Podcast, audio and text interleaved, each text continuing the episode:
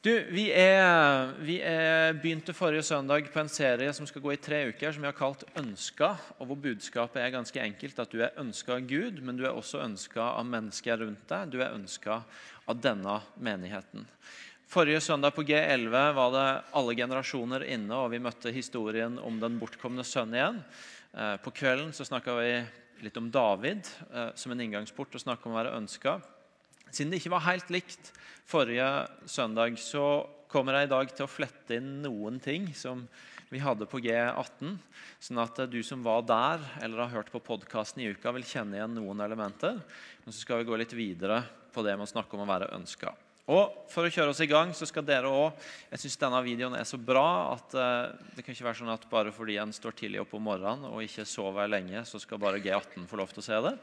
Så uh, her kommer en video som skal sette oss litt på sporet av temaet 'ønska'. My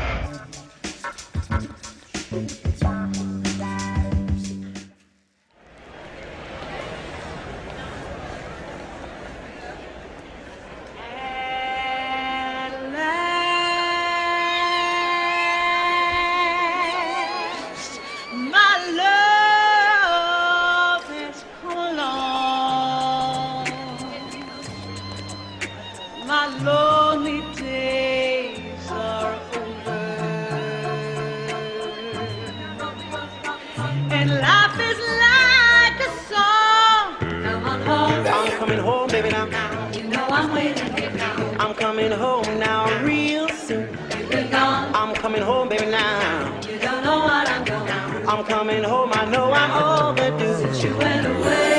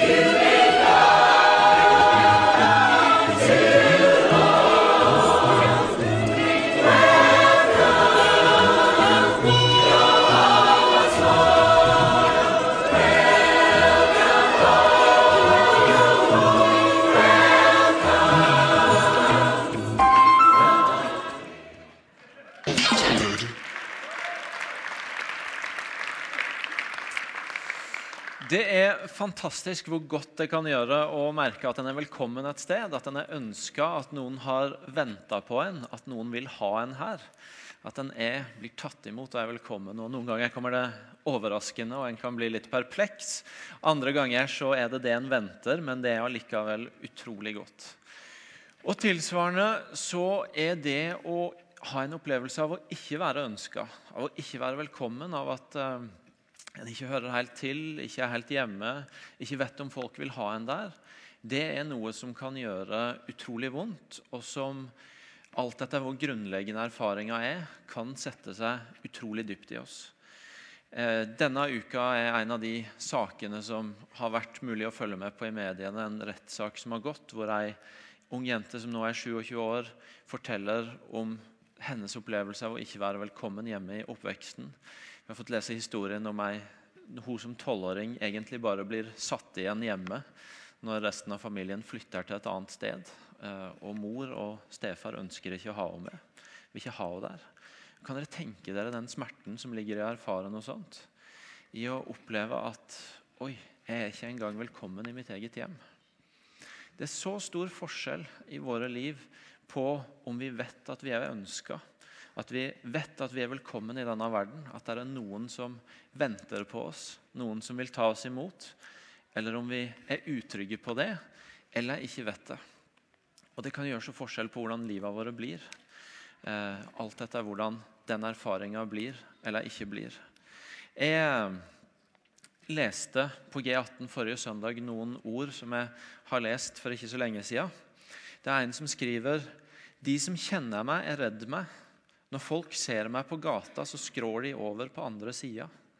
Vennene mine behandler meg som om jeg ikke eksisterer lenger. Jeg kan høre at folk prater om meg. En sånn gyselig erfaring ikke sant? av at eh, når du kommer et sted, så ser du faktisk at folk, folk går en omvei for å slippe deg. Eller du ser at folk snakker om deg, hvisker litt. Folk som du har stolt på før, ledd med før, hatt fellesskap med før, de behandler deg plutselig som om du er luft. Forferdelige erfaringer eh, å møte. Og det er ikke sikkert at vi har opplevd det like ekstremt som det det mennesket her skrev om, eller eksempelet jeg fortalte om fra den rettssaken. Men, men kanskje har vi toucha innpå det og vet allikevel noe om smerten som ligger i å ikke være ønska. De orda jeg leste, de kunne jo ha vært fra ganske mange forskjellige. De kunne vært fra eh, en som var ny i dette landet, de kunne vært fra en som følte seg utstøtt eller mobba på jobben. De kunne vært fra en som er mobba på skolen. De kunne vært fra en prostituert nede i byen.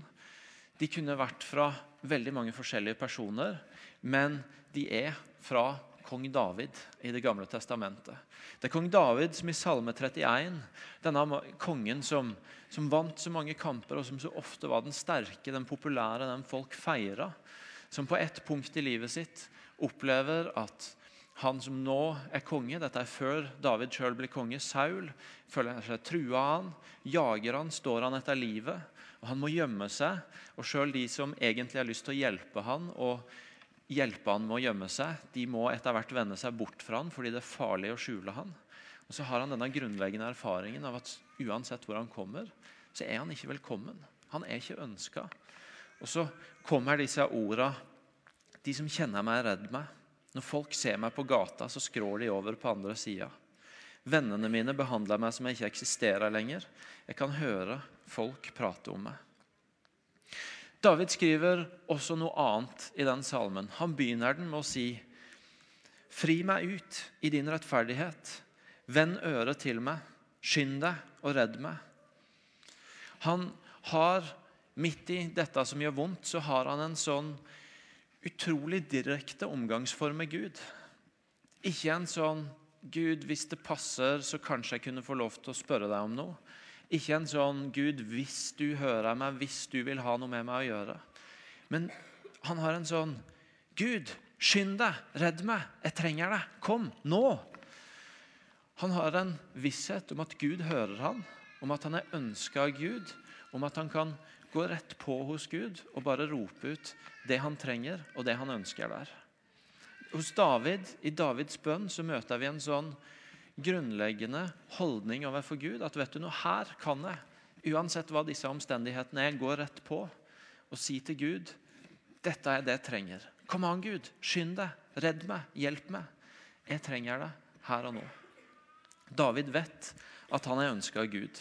Jeg skal snakke litt mer om David etterpå. Men en av de store skikkelsene i Det nye testamentet, akkurat som David var det i det gamle, det er Paulus. Og Paulus han var en sånn hardhaus som først forfulgte kristne og sto de etter livet. Og som så fikk denne radikale omvendelsen som du kan lese om hvis du ikke har gjort det allerede, i Apostlenes gjerninger 9, hvor han møter Gud på veien til Damaskus. og Først mister skyene, men så gir Gud han det tilbake igjen. og Så begynner han å tro på Gud, og så blir han like intenst som han var mot de som trodde på Jesus før. Så blir han nå like intenst en som jobber for at mennesker skal få bli kjent med Jesus. Og Han reiser på misjonsreiser, og han er med på litt av hvert. Han eh, havner i fengsel, han er på spennende turer, han er i farlige båtseilaser. På slutten av apostlenes gjerninger så står det om hvordan en slange biter han i handa uten at han tar skade av det. Han er en sånn bulldoser som er med på litt av hvert, og som turer fram, og av og til, ikke bare av og til, men ganske ofte brøyter seg fram for å ta evangeliet videre. Ikke en som nødvendigvis framstår som en veldig i hvert fall i moderne forstand myk mann. Han, ganske, han virker til å være en sånn, litt sånn røffing, en litt hardhaus. Likevel så er han en som står for noen av Det nye testamentets vakreste skildringer av hva kjærlighet er, og hvordan Guds kjærlighet ser ut. Han er det som har gitt oss disse ordene i 1. Korinterbrev 13, som vi kommer tilbake til igjen og igjen. Når han skriver kjærligheten er tålmodig, kjærligheten er velvillig. Han skriver at kjærligheten utholder alt, tror alt, håper alt, tåler alt. Kjærligheten tar aldri slutt. Han skriver som konklusjon at størst av alt Tro, håp og kjærlighet er det som står igjen, men størst også av de er kjærligheten. Et annet sted så er det han som skriver at Kristi kjærlighet tvinger oss. Kristi kjærlighet som en sånn kraft som, som driver oss mot noe, nesten uten at vi kan stå imot. Fordi det er så sterk kraft i den. Det er han som i Romerne 2 skriver at det er Guds godhet som driver oss til omvendelse.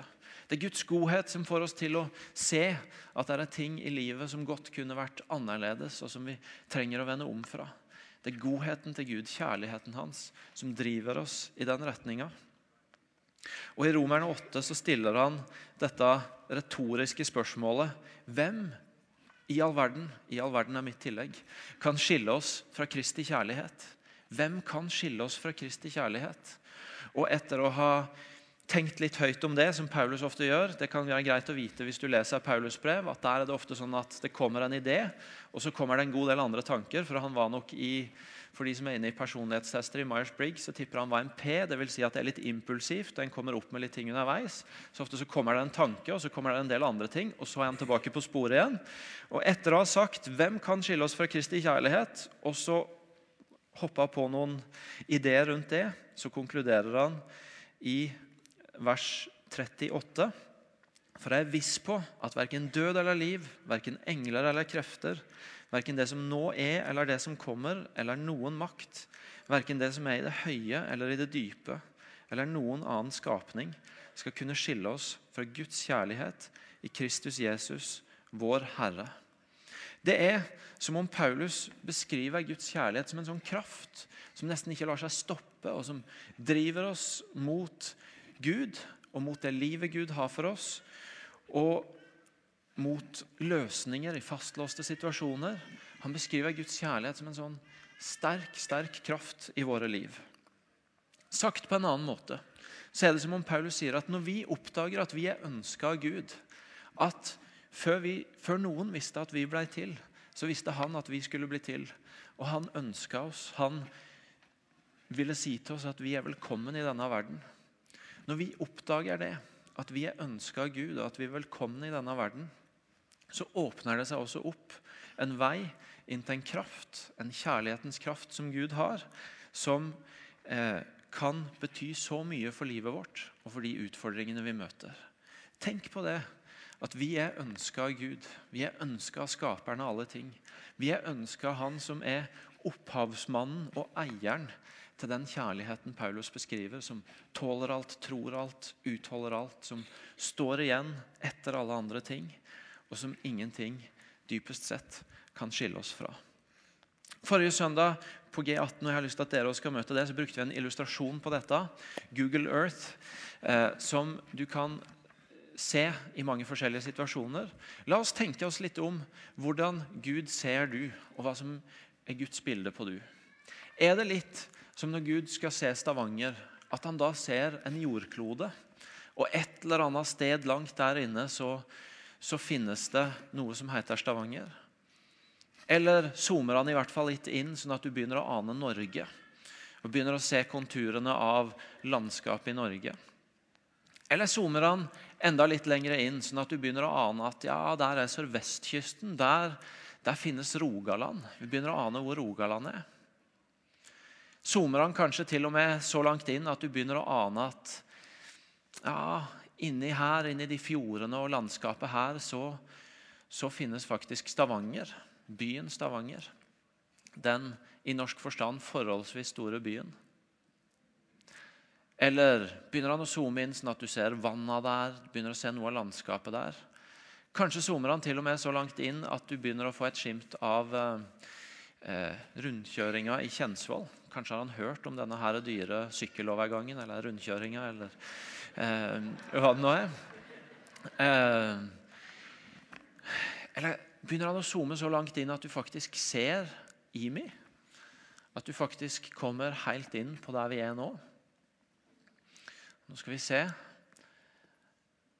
Kommer han helt ned på gateplan? Kommer han til og med helt inn, sånn at vi ser helt klart der er Imi? En sånn enkel illustrasjon som du kan bruke til å tenke over hva er ditt bilde av hvordan Gud ser deg? Tror du han bare ser deg i sånn zooma ut-forstand, som en i mengden, som en blant mange? Som en kanskje som det begynner å tegne seg noen konturer av, en flekk? Eller ser han deg så skarpstilt som du ser det bygget vi er i nå der? Jeg tror han gjør det. Og jeg tror at det er det Bibelen sier til oss. At du er så ønska av Gud, og du er så villa av han, at du også kan regne med at han ikke bare ser deg i zoom ut-modus, som en av mange, som en litt sånn grå dott borti der, men at han ser deg skarpstilt, i fokus, som en han ønska å skape, som en han ønska at skulle finnes i denne verden. Og Det har jeg lyst til at er noe av det første du skal høre i denne serien, og noe av det aller viktigste. At du er ønska av Gud, at du er villa av Han, at Han ser deg i skarpt fokus, og at det kan være en sånn grunnleggende trygghet i livet ditt. For den tryggheten på at vi er villa, på at vi er ønska, på at vi er velkommen i verden, den kan vi dypest sett aldri få hvis ikke vi får landa at vet du noe, Gud sjøl han ønsker deg. Du er velkommen hos han, og han har ønska deg velkommen i den verden han har skapt. Men hvis vi zoomer litt ut igjen, så kan vi jo tenke litt videre på denne tanken. Hvis vi zoomer litt ut fra Imi og Kjensvoll og utover mot Stavanger, så er det jo sånn, så kan vi jo spørre Nå er vi jo her, vi er på gudstjeneste, vi har tilbedt Gud. Vi har en forventning om at her er Gud. Og da er det jo ikke så verst at Gud ser oss akkurat som vi kan se i hvert fall noen av hverandre.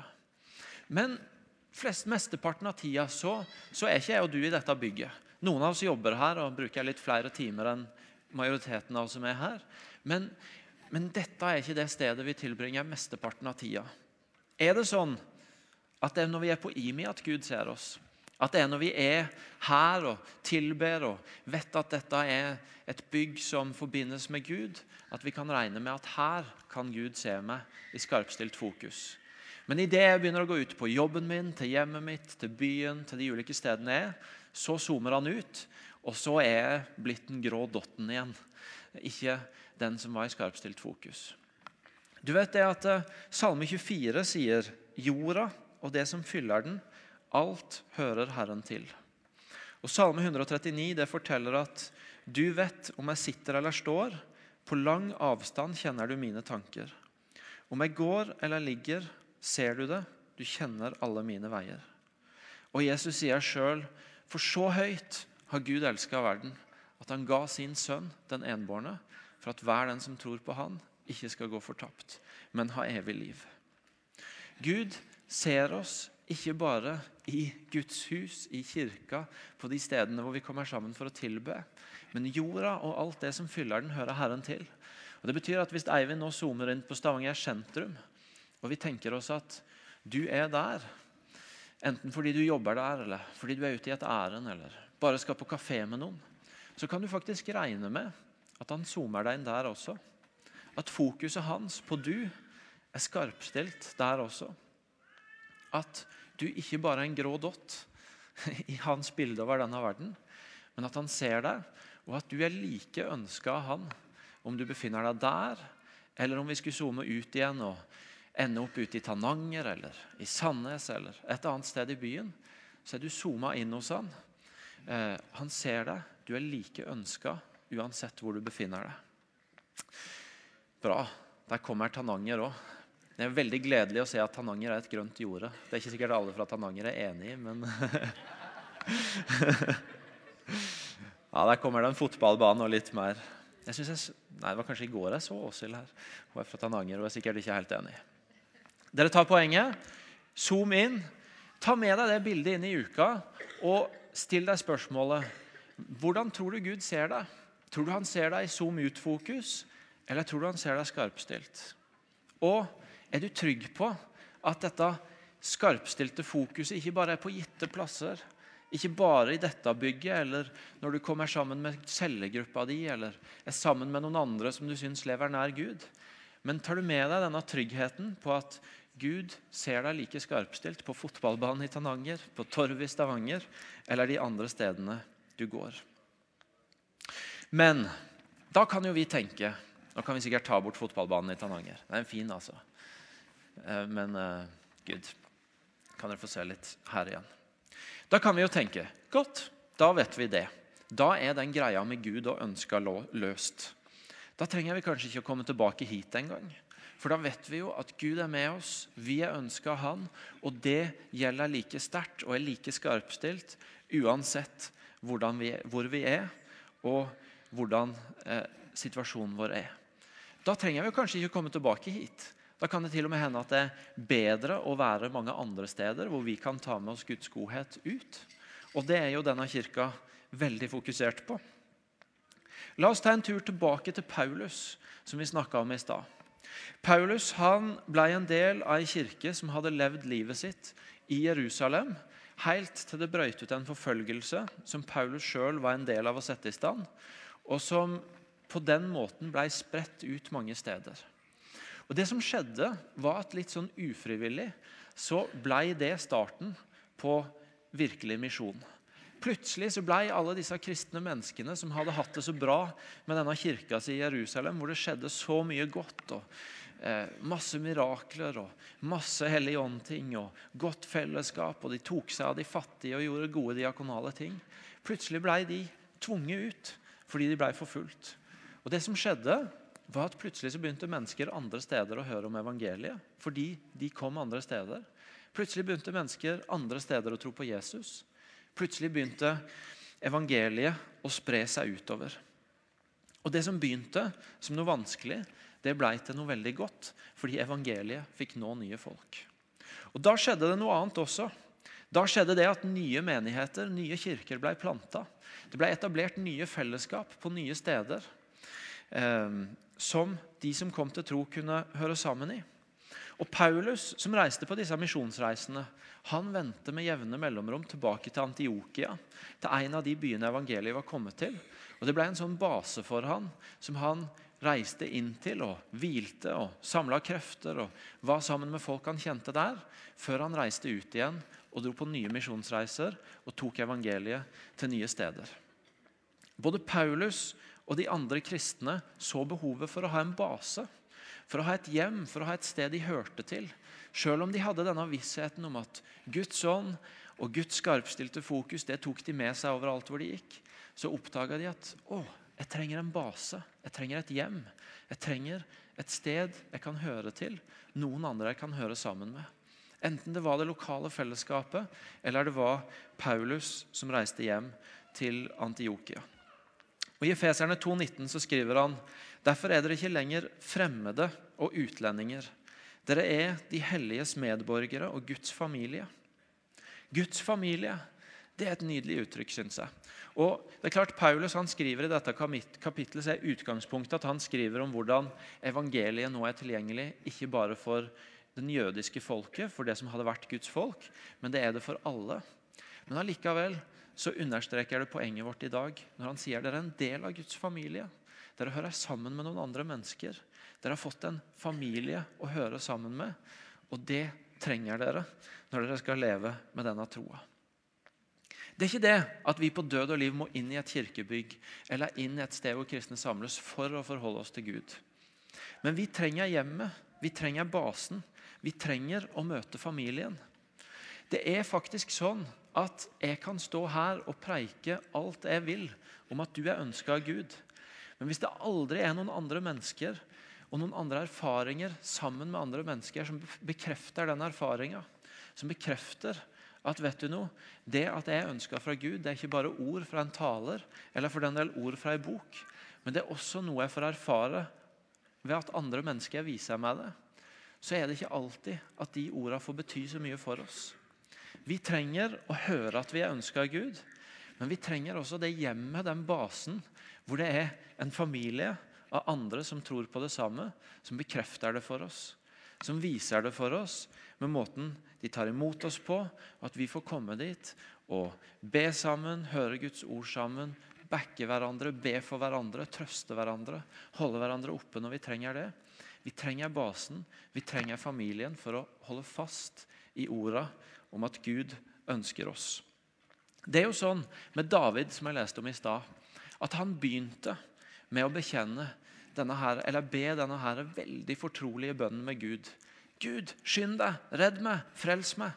Som viser at han var trygg på at Gud ønska han, på at han var velkommen, og på at han kunne gå helt inn til Gud og be.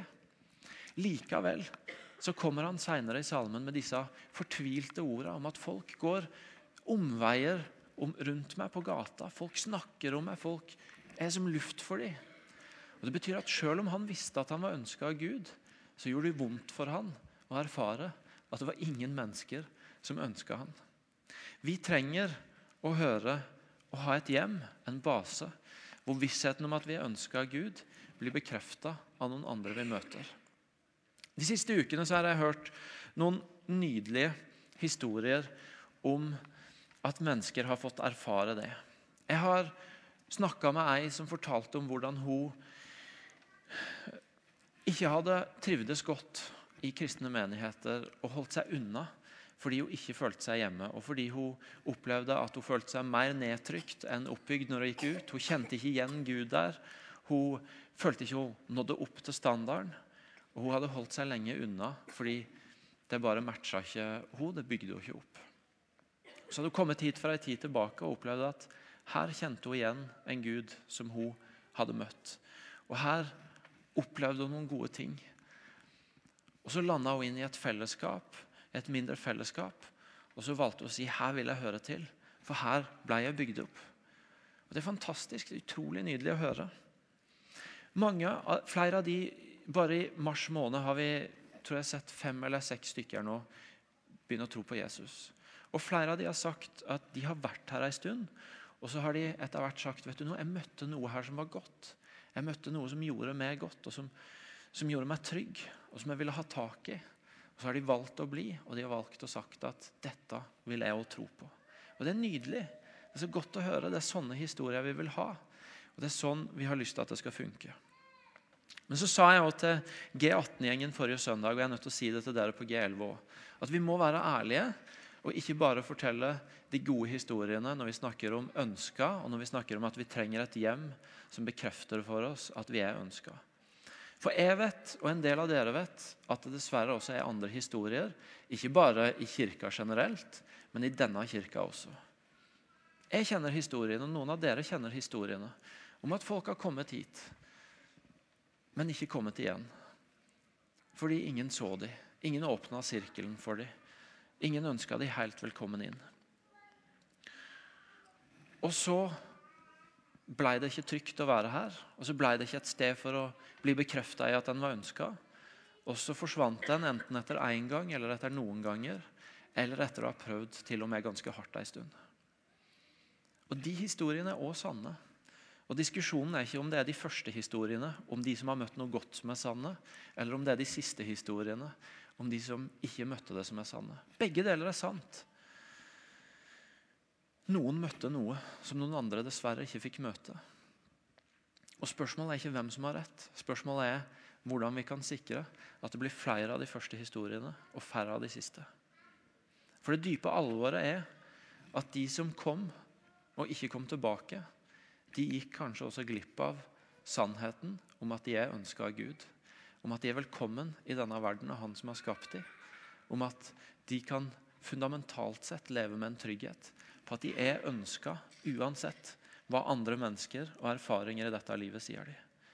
Og Hvis du går glipp av det, da har du gått glipp av noe som er utrolig viktig i livet. Og Det betyr at vi må jobbe med, vi må trene på, vi må finne ut hvordan vi kan bli, få enda flere av de første historiene og enda flere av de siste. Derfor har vi og, og da er det sånn at jeg som pastor er helt avhengig av dere. Jeg trenger dere. Jeg kan stå her så mye jeg vil og snakke om at dere er velkommen i denne kirka. For det er det andre jeg vil at dere skal høre i denne serien. Jeg vil at dere skal høre at dere ønsker Gud. Men jeg vil også at dere skal høre at dere er ønska av mennesker, at dere er ønska av denne kirka. At dere er velkommen i denne menigheten. Det kan jeg stå og si så mye jeg vil. Men hvis ikke dere som er her inne, hjelper meg med det, så har jeg ingen sjans. Jeg skal ikke engang begynne å prøve å legge ut om min sosiale kapasitet, men den når ikke over. Jeg trenger dere. Jeg trenger at vi er et lag som jobber med å fortelle folk at i denne kirka er du ønska. Som tar imot, som er vertskap, som åpner sirkelen, som gir blikk, som gir smil, som gir uttrykk for at her er du velkommen. Jeg er helt avhengig av at dere hjelper meg med det. Og jeg er til og med helt avhengig av at de av dere som sitter og tenker å, deilig at han endelig sa det, for nå kommer kanskje noen og ser med. Det har jeg venta på. Og jeg skjønner at du tenker sånn, og det er helt sikkert rett. Men jeg er til og med avhengig av at du ikke bare sitter og tenker det, men at du hører min oppfordring til å bli en del av laget og, si, og være med og ta ansvar for at andre skal føle seg ønska og velkommen. Det er helt sikkert rettferdig og fair og, og, fullstendig korrekt at du sitter og tenker det. At vet du noe, nå er det søren meg først min tur. At noen kommer til meg. Jeg skjønner det, jeg hører deg på det. Men jeg er avhengig av at du òg blir med på laget hvis vi skal lykkes med det. Vi har vært, For å gjøre dette praktisk og konkret så har jeg gravd litt i arkivene fra før jeg eh, kom hit til og med. De av dere som er stayere her, har vært her en stund, husker det. Men for en tid tilbake så hadde vi en enkel praksis for å trene oss på å være gode i dette. her. Det ble kalt bob, å være en bobber. Eh, er det noen som husker hva den første B-en står for? Blikk. Tre enkle praksiser, og den første er B for blikk. Nemlig se folk i øya, møt blikket til folk. La folk få oppleve at, eh, at de er velkommen ved det utrolige hva bare øyekontakt kan gjøre. At ikke folk ser bort, at ikke folk ser ned, men at du ser deg i øya. Blikk. O. Husker noen hva O-en står for? Oppmuntring. Gi folk en anerkjennende ord, et oppmuntrende ord. Et 'godt å se deg', eller 'jeg setter så pris på det ved deg', eller 'å, nydelig nye sko du har i dag', for den del. Eller, men en oppmuntring, et smil, en, et signal om at 'å, det var godt å se deg', også verbalt. Og Det siste som Anne begynte å så inn i stad, den siste B-en Noen som husker hva det var? Berøring. Det er faktisk ganske ok å, eh, av og til kjenne at noen klapper deg på skuldra, eller gir deg en klem, eller tar deg i handa, eller også viser at du er velkommen rent fysisk. Bob, blikk, ord, berør, opp, ord, berøring. Sa jeg oppmuntring, og så er det ord? Ja, der kan du se. Jeg har vært i arkivene, og det er ikke jeg som har kommet opp med dette. Blikk, ord, berøring skal det være. Gode ord. Og det kan jo da være oppmuntringer. Eh, som noen enkle ting for å øve oss på å si at vet du noe, du er velkommen i denne kirka. Du er velkommen i dette fellesskapet. Og det er jo sånn at eh, en ting er å høre det, noe annet er å gjøre det. Vi er nødt til å øve. Så nå skal dere få reise dere opp. Jeg og Sveinung har varma opp allerede med å klemme litt her foran på Siv. Eh, men nå skal vi ta det litt etter litt. Eh, rett og slett bare tren på å gjøre det. Og er du ny her, utrygg, gjør det du syns er komfortabelt. Jeg er ikke ute etter å pushe dine grenser, så da gjør du det som du er trygg på. Men vi begynner litt sånn forsiktig med blikk. Bare se på noen rundt deg. Møt blikket, møt øya til folk.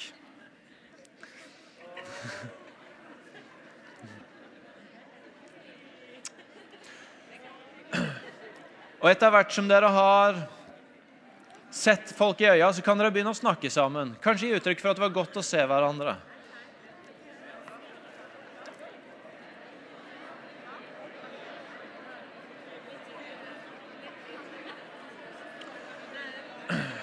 Så etter hvert som dere begynner å bli varme i trøya, så kan dere gi en klapp på skuldra, en klem om du vil, en håndhilsing. Jeg skal ikke legge føringene på hvor grensene går, men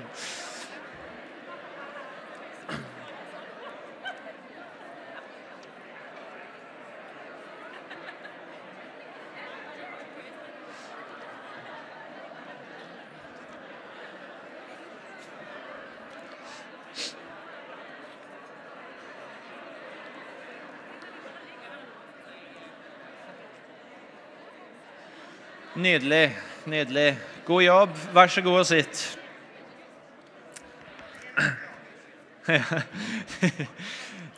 Da må du gå til forbønn etterpå.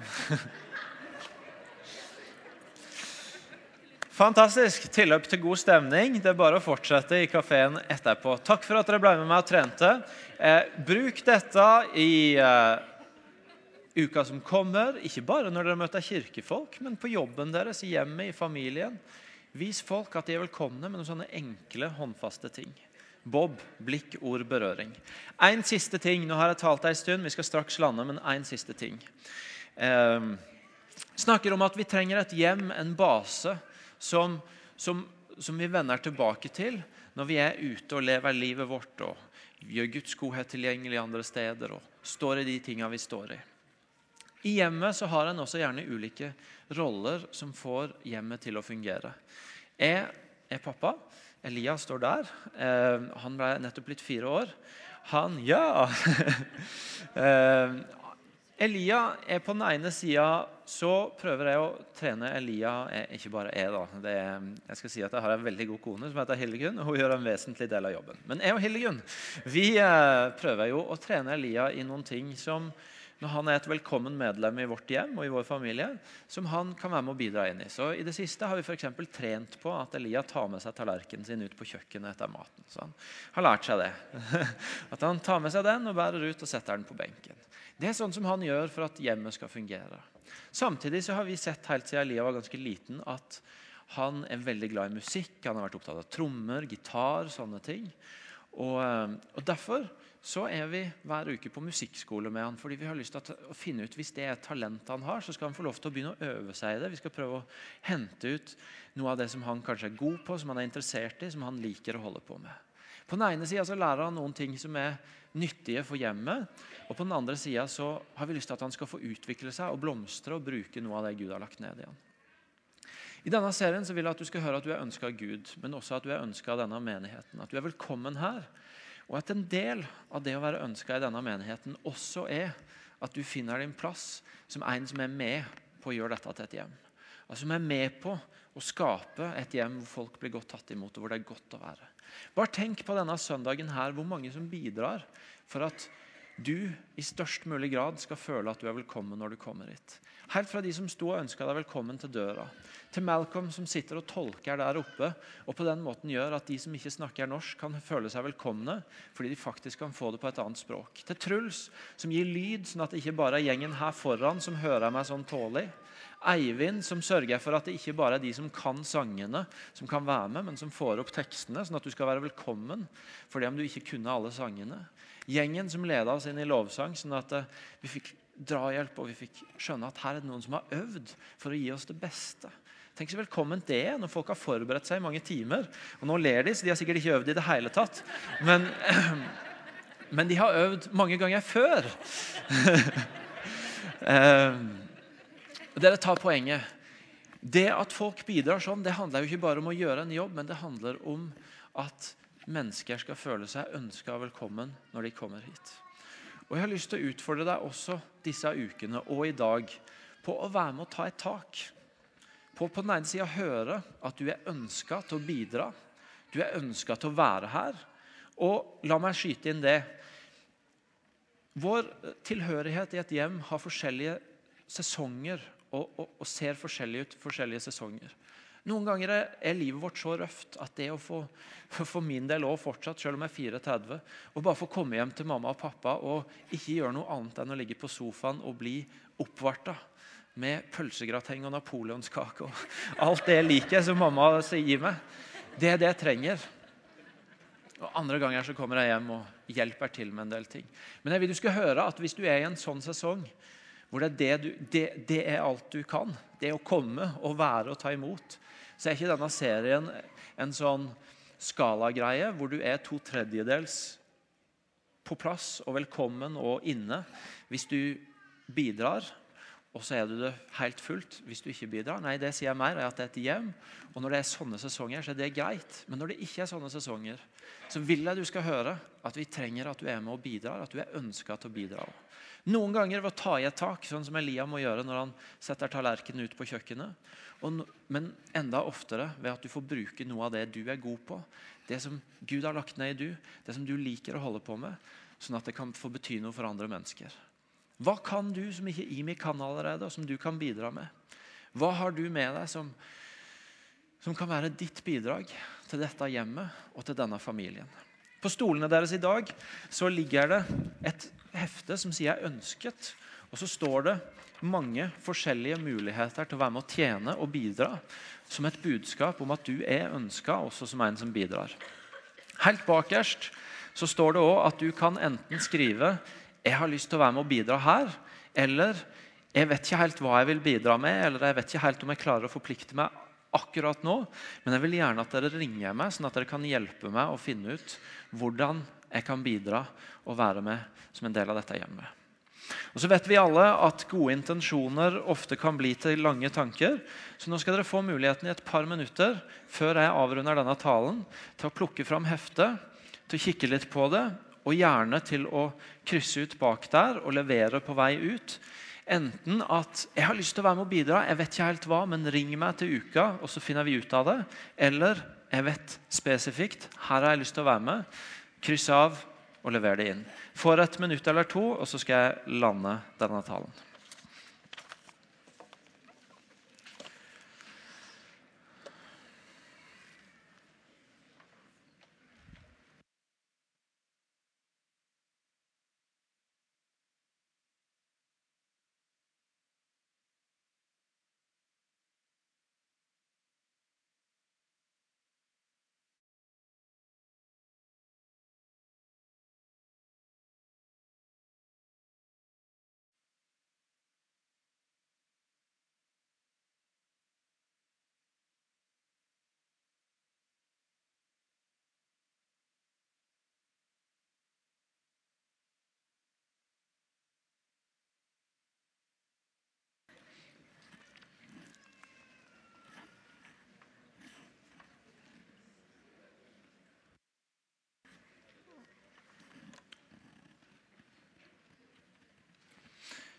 Ligger ei penne på stolen nå, hvis dere ikke har sett det. Så det er mulig å fylle ut.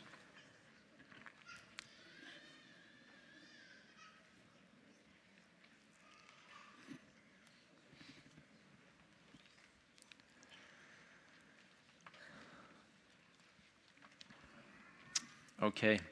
Eh, hvis du trenger å tenke mer, så tar du selvfølgelig med deg hefte og kontakter. og setter hvert. Hvis du har fylt ut nå, så bare riv av det papiret og så legger du det på bordet nede i hjørnet der på vei ut. Eh, så har vi kjempelyst til å komme i kontakt med deg og hjelpe deg inn. Folkens, det handler om at du er ønska. Du er ønska av Gud inn i denne verden, og du er ønska velkommen inn i denne kirka. Og du er ønska til å være en del av laget som forteller andre igjen at de er ønska. Nå kan lovsangsteamet komme opp, og så kan vi reise oss. Og så har jeg bare lyst til at vi skal be sammen helt til slutt.